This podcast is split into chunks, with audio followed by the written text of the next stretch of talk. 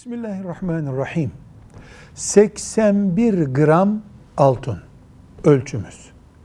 Şeriatımız borçlar, günlük, aylık masraflar çıktıktan sonra kimin elinde 81 gram altın veya o değerde bir şey varsa para, satılık eşya, arsa böyle şeyler varsa yani para eden şey varsa ihtiyaçtan fazla borçlar düştükten sonra onu zengin kabul ediyor.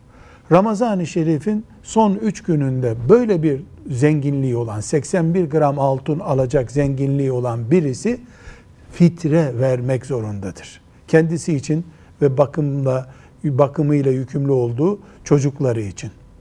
Zekat nedir? Bunun üzerinden bir yıl geçiyor ve hala duruyorsa zekat vermektir. Aralarındaki fark da budur. Velhamdülillahi Rabbil Alemin.